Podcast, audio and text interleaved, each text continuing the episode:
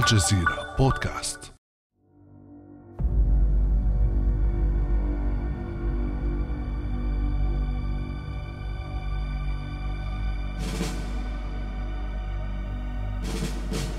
جالسا شابكا أصابع يديه وحوله كبار مساعديه لشؤون الشرق الأوسط. أعلن الرئيس الأمريكي دونالد ترامب عن اتفاق أبراهام للسلام بين الإمارات وإسرائيل قائلاً: إنه حدث تاريخي. This deal is a significant step towards building a more peaceful, secure, and prosperous Middle East. هذا الاتفاق خطوة مهمة باتجاه بناء شرق أوسط أكثر أمنا وسلاما وازدهارا. الآن وبعد إذابة الجليد أتوقع أن يحذو مزيد من الدول العربية والإسلامية حذو الإمارات التي أشكرها على دورها القيادي هذا أمر غير مستغرب بالنظر إلى المعرفة الجيدة بمحمد بن زايد وما قام به لتطبيع العلاقات مع إسرائيل. نحن نناقش ذلك مع دول أخرى قوية وجيدة. فالناس يريدون أن يروا السلام في الشرق الأوسط. ترسيم العلاقة بين الإمارات العربية المتحدة وإسرائيل توج سنينا من التعاون الأمني والتجاري والسياسي كانت فصوله تتكشف تباعا خلال السنوات الماضية فقد كشفت تقارير صحفية أن اللقاءات بين مسؤولي البلدين تعود إلى العام 2012 وتكثفت خلال العامين الماضيين حيث ظهر أكثر من مسؤول حكومي إسرائيلي في الإمارات. فما دلالة توقيت الإعلان ومكانه؟ وهل هو تطبيع للعلاقات أم تحالف استراتيجي؟ وما تداعياته على القضية الفلسطينية؟ بعد أمس من الجزيرة بودكاست أنا خديجة بن جنة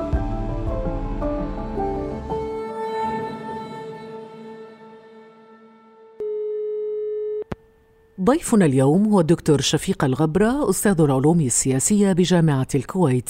أهلا وسهلا بك دكتور شفيق الغبرة. أهلا بك أهلا بك. دكتور شفيق اولا ما دلالة إعلان الاتفاق في البيت الأبيض ومن الرئيس الأمريكي شخصيا في هذا الوقت بالذات؟ أهم دلالة في هذا الاتفاق يعني هناك عدة مسائل بالطبع يعني لا يوجد اختصار لكن الرئيس ترامب يريد أن يعيد انتخابه يريد أن يفوز بالانتخابات. هذا الاتفاق يعطيه بعض النقاط وهو استخدم في هذه الحالة علاقته مع الإمارات للدفع بهذا الاتجاه لكسب مزيد من النقاط في هذه القصة المتداخلة فيما يتعلق بفشل سياساته الداخلية الأمريكية، هذا من جانب، من جانب آخر هذا مكسب كبير واستراتيجي لإسرائيل، لكني لا أرى أنه مكسب للإمارات، الإمارات ربما ترى ذلك، لكن أنا أعتقد الوقت سيقول للإمارات أن هذا القرار كان مسيئا لها. مسيئا لإرثها ومسيئا للقضية الفلسطينية. لكن السنوات الماضية دكتور كشفت تناغما بل تنسيقا سياسيا ولقاءات كثيرة بين مسؤولين من إسرائيل والإمارات، ما الجديد الذي يضيفه إعلان هذا الاتفاق؟ الجديد الذي يضيف إعلان هذا الاتفاق أن هذا الاتفاق خرج للعلن وخروجه للعلن بهذا الشكل عنا عمليا أن إسرائيل تتقدم باتجاه منطقة الخليج ويعني أن الصراع حول دور الإسرائيلي والدور الصهيوني في منطقة الخليج لم يعد سرا وإنما أصبح الآن علنا وأصبح أكثر كثافة. وبالتالي ستدخل التكنولوجيا ستدخل الاستثمارات أيضا الإماراتية إلى الكيان الصهيوني. سيكون هناك تنسيق أوسع وأكبر وأوضح حول إيران حول تركيا حول منطقة الخليج الأسواق التجارة التبادل. يعني المشكلة أنه لا يوجد حدود لدولة الإمارات العربية لا, لا يوجد حدود لها مع الكيان الصهيوني لا يوجد حروب معروفة ربما شاركت في حرب 73 بشكل أو بآخر لكنها لا يعرف أنها كانت في حروب في صراعات واضحة مباشرة لم تكن مضطرة لهذا الاتفاق وهي ليست مضطرة للكثير من السياسات التي تتبعها في الشأن الخليجي في الشأن العربي في الشأن الإقليمي في الشأن اليمني وغيرها. لكن يبدو أن هذه السياسات أوصلتها لنقطة ضعف أيضا. تفرض عليها البحث عن أسوأ الحلفاء وأكثر الحلفاء خطورة عليها وعلى الخليج وعلى المنطقة العربية. وما رأيك دكتور بالمبررات التي قدمتها الإمارات من أن الدافع هو مصلحة أو السعي إلى مصلحة تحقيق مصالح الفلسطينيين وإيقاف عملية الضم وما إلى ذلك؟ يعني هذا المبرر كان سيكون منطقيا لو استشاروا السلطة الفلسطينية لأعطتهم رأيها في هذا الأمر لكن ما أعرفه أن الإمارات قاطعت السلطة الفلسطينية كما ذكر الدكتور صائب عراقات منذ يومين منذ عام 2014 أنا لم أكن أعرف بهذه الحقيقة لكن هذا دلالة إلى التوجه أن إسرائيل تضع شروط يبدو من الشروط مقاطعة السلطة الفلسطينية من الشروط مقاطعة حماس من الشروط مقاطعة الإخوان المسلمين ومحاربتهم بغض النظر سلميين مش سلميين إيجابيين سلبيين ديمقراطيين غير ديمقراطيين مش مهم. المهم يبدو وأيضا مقاطعة تركيا أو التأثير السلبي على تركيا وأيضا مقاطعة ومحاصرة قطر. وأيضا يعني يبدو لي أن الأصابع الإسرائيلية أصبحت واضحة في بعض السياسات. هذا ما يزعجني في هذا الاتفاق. نأتي إلى نقطة أخرى. يعني عندما نفكر بهذا الاتفاق طب ما مناحيم بيغن في يوم من الأيام أعلن أنه أوقف الاستيطان وأوقفه ثلاث شهور وبعدين عاد الاستيطان هذا لتسويق اتفاق كامب ديفيد. طبعا كامب ديفيد دولة لها حدود ولها حروب مثل مصر ولها أراضي تريد أن تستعيدها. ربما في جانب مفهوم وفي جانب غير مفهوم. لكن بالحالة الإماراتية كلا لا يمكن أن تقول لي أن هذا يخدم القضية الفلسطينية هذا عمليا يسلم الفلسطينيين للجلاد الإسرائيلي يسلم مزيد من فلسطين للحركة الصهيونية. يعني يقول للإسرائيليين افعلوا ما تشاءوا بالشعب العربي الفلسطيني ونحن نتفاهم معكم ولا علاقة لنا بالأمر. إذا بينما الفرضية الأساسية كانت أن العرب متحدين متفقين على أن تنسحب إسرائيل من كل الأراضي المحتلة 67 بما فيها القدس الشرقية بما فيها الجولان وأنه بعد ذلك تعلن الدولة الفلسطينية ويوقف الاستيطان أو ينسحب الاستيطان. وفي هذا الإطار جاءت المبادرة العربية في بداية الألفية الثانية عام 2000 وبمؤتمر القمة في بيروت. ولكنها لم ترى النور. الآن هذا تخلي عن المبادرة العربية تخلي عن قرارات الجامعة العربية تخلي عن قرارات الأمم المتحدة تخلي عن مرجعية 67 ويعني تخلي كامل عن القضية الفلسطينية. م.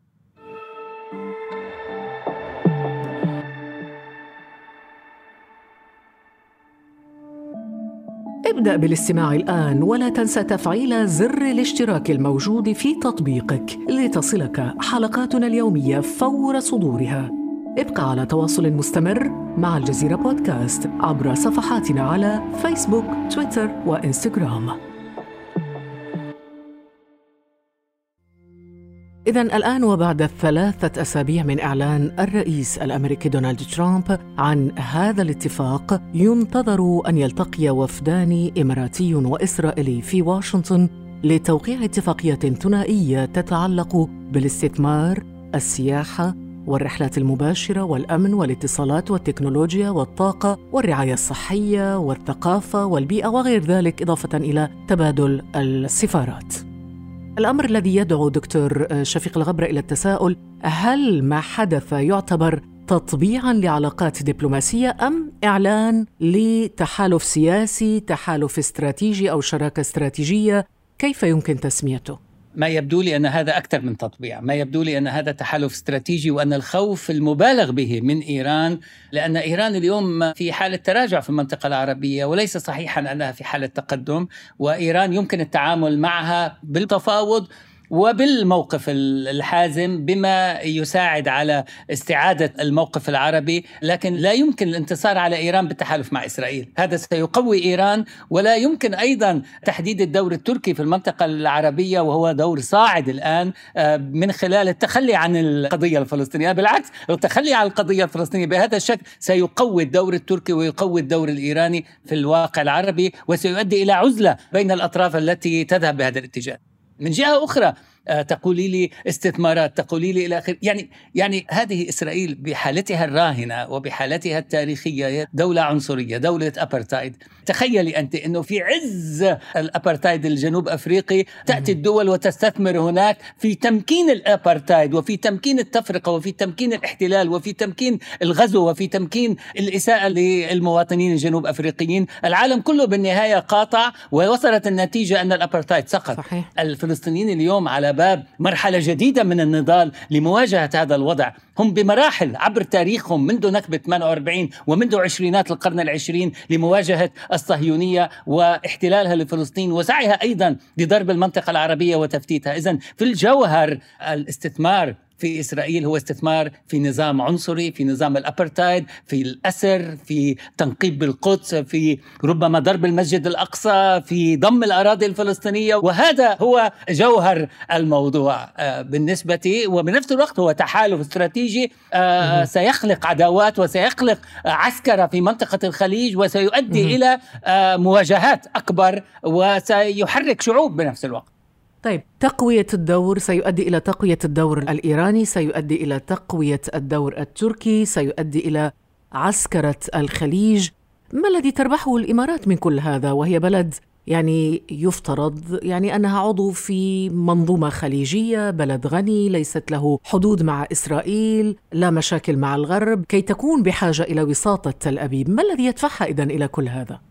أنا برأيي لن تربح شيئا وإنما هو قصر نظر في التصرف السياسي والأخلاقي أيضا ونظرة للاقتصاد وللعلاقات سلعية للغاية. كل شيء ممكن يباع ويشترى وبما في القضية الفلسطينية. لنقارن بين موقف الكويت وموقف الإمارات. طب الكويت نفس الوضع. طب الكويت كان بإمكانها ومر عليها غزو وحررت من قبل تحالف دولي بقيادة أمريكية. ومع ذلك بعد التحرير استطاعت الكويت أن تقول لا لفرض عليها بعض الشروط المتعلقة بموضوع التطبيع. وطرح في حينها الشيخ جابر أمير الكويت آه، عندما قال أنه سنكون آخر من يطبع يعني لكن ربما أيضا من المهم أن تستوعب أيضا الإمارات خطورة التداعيات لهذا الاتفاق. اولا على الفلسطينيين لأنه دكتور شفيق طبعا تابعت أنت ردود الأفعال لدى السلطة الفلسطينية. طبعا ردة الفعل لم تتأخر والفلسطينيون هم المعني الأول بملف التطبيع الإماراتي الإسرائيلي.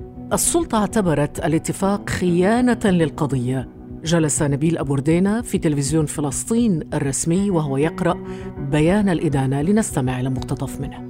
ترفض القيادة الفلسطينية ما قامت به دولة الإمارات العربية المتحدة باعتباره خيانة للقدس والأقصى والقضية الفلسطينية واعترافا بالقدس عاصمة لإسرائيل وتطالبها بالتراجع الفوري عن هذا الإعلان المشين وقدمت الخارجية الإماراتية الخطوة على أنها من أجل وقف ضم أراضي الضفة الغربية الذي تقوم به حكومة رئيس الوزراء الإسرائيلي بنيامين نتنياهو. لكن رد نتنياهو جاء صريحا وقاطعا. الآن طلب الرئيس الأمريكي أن تتريث إسرائيل في تطبيق السيادة. واليوم حققنا الاتفاق مع الإمارات لكنني لم أوافق على شطب خطة السيادة. ومثلما أتيت بهذا الاتفاق فأنا ملتزم أيضا ببسط السيادة ولن أتنازل عن ذلك وعن حقنا في أرضنا بأي حال من الأحوال.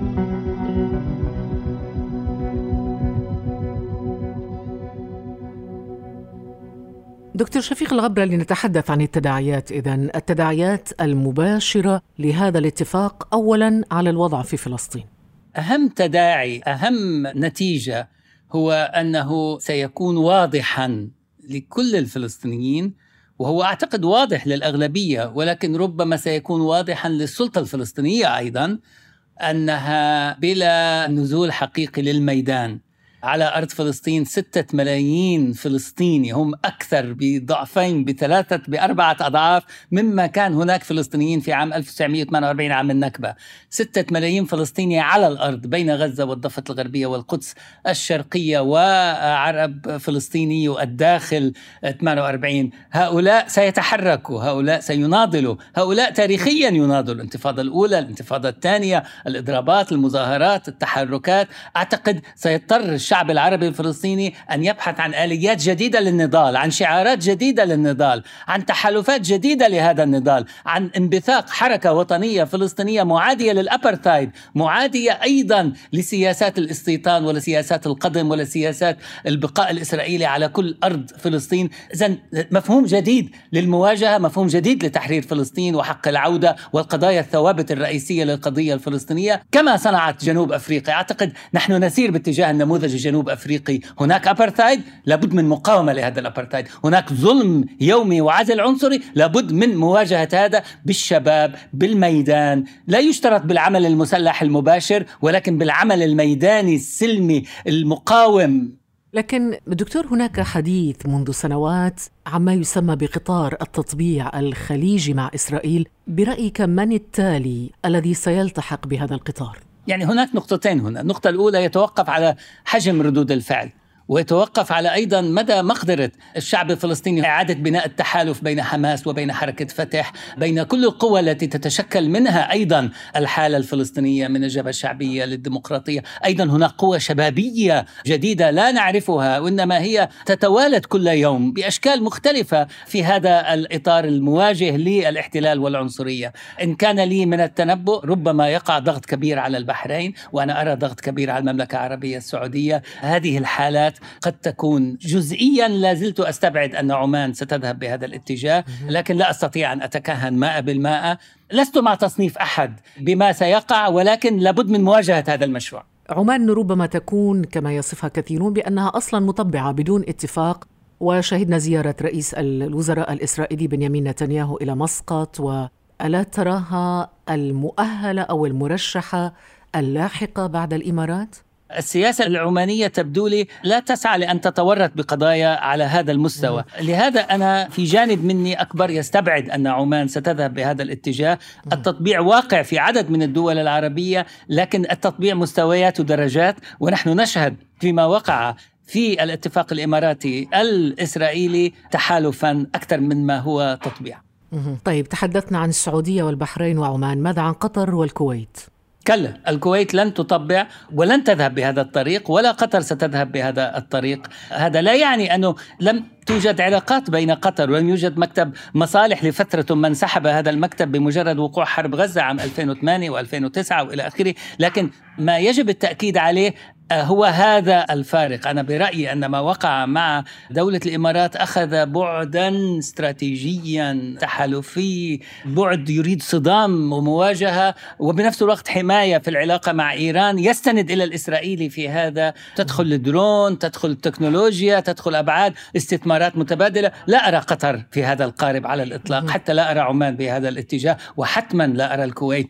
في هذا الاتجاه الكويت موقفها معروف ومعلن وخاصة أنه الكويت دولة فيها تنوع سياسي فيها نسبة من الحرية فيها نسمات من الحرية. لا أقول حرية مطلقة لكن فيها نسمات من الحرية تسمح للمواطن الكويتي أن يقول رأيه. أنت لو تفتح الباب للمواطن الإماراتي العربي الأصيل ليقول رأيه. لو تفتح الباب للمواطنين الإماراتيين من كل تنوعهم ليقولوا رأيهم تسمع رأيا آخر. لكن بالطبع الذي يقول كلمة سيوضع بالسجن. نفس الشيء لو تفتح المجال في كل العالم العربي ستسمع رأيا مختلفا. الحاضنة الشعبية لهذا الاتفاق غير متوفرة لا من قريب ولا من بعيد. وبالتالي الحاضنة الشعبية لهذا الاتفاق لديها رأي آخر. ولهذا هو اتفاق معزول من البداية ومربوط بأشخاص بوجودهم بعدم وجودهم آه، تهتز كثير من الأمور. حتى مع عدم وجود الحاضنة الشعبية هذا الاتفاق أكيد له تداعيات خطيرة على المنطقة المنطقة العربية والخليجية تحديدا. الانقسام الخليجي يعني تأثير هذا الاتفاق على المنظومة الخليجية وهي منقسمة أصلا على ملفات السياسة الخارجية والحلفاء في المنطقة إيران وتركيا. وأنت قبل قليل دكتور قلت إن هذا الاتفاق سيؤدي إلى تقوية الدور التركي والدور الإيراني وسيؤدي إلى عسكرة منطقة الخليج. حدثنا عن هذه الأمور. في الجوهر هذا الاتفاق سيؤدي إلى استفزازات. سيستفز إيران أكثر. إضافة لما هو من استفزاز موجود. ربما بعضه محق بعضه غير محق لكن سيخلق حالة توتر أوسع مع إيران. سيخلق حالة خوف. إيران تاريخيا لديها خوف من حصارها امريكيا لديها خوف من القواعد الأمريكية. ما بالك بقاعدة إسرائيلية ممكنة في هذا الإطار؟ معلنة غير معلنة قائمة تكنولوجيا أغراض عسكرية. نحن نعرف كيف تعمل إسرائيل. اذا سيعسكر منطقة الخليج. الأتراك موجودين اليوم في قطر في الدوحة. الأتراك لديهم تنسيق مقبول وعالي المستوى مع الكويت. الأتراك جزء أصبحوا من التوازنات الإقليمية ليس إسرائيل. إيران هي جزء من منطقة الخليج على الضفة الأخرى. أيضا هناك نظرات مختلفة لدى دول الخليج للعلاقة مع إيران. لا تقر دول الخليج ضرب إيران. لا تقر معظم دول الخليج المواجهة المسلحة. لا تقر مقاطعتها لإيران. تقر الاختلاف معها على مجموعة من القضايا والتركيز بشكل أكبر على إمكانية الوصول معها لدرجة من التفاوض لتهدئة بإمكانك تهدئ المنطقة. الآن منطقة الخليج دخل إليها العنصر الإسرائيلي. العنصر الإسرائيلي يريد أسواق يريد استجسس يريد الكثير من البرامج التكنولوجية التي مرتبطة بالتجسس هي برامج إسرائيلية تسلم لبعض الدول. الكثير من مطارات أصبحت تديرها شركات مرتبطة بإسرائيل مباشرة وغير مباشرة. إذا هذا سيفتح باب سيفتح صراع سيفتح قضايا. بوجود ترامب طبعا القضايا تذهب إلى القمة تذهب إلى أعلاها. هو الذي عسكر هو الذي أوقف الاتفاق النووي مع إيران. هو الذي يدفع بهذا الاتجاه وهو الذي قد يخسر الانتخابات ويترك كل الناس في حالة من الفراغ مما سيزيد الصراعات. دكتور شفيق الغبرة أستاذ العلوم السياسية بجامعة الكويت شكرا جزيلا لك. شكرا لك أخت خديجة. كان هذا بعد أمس.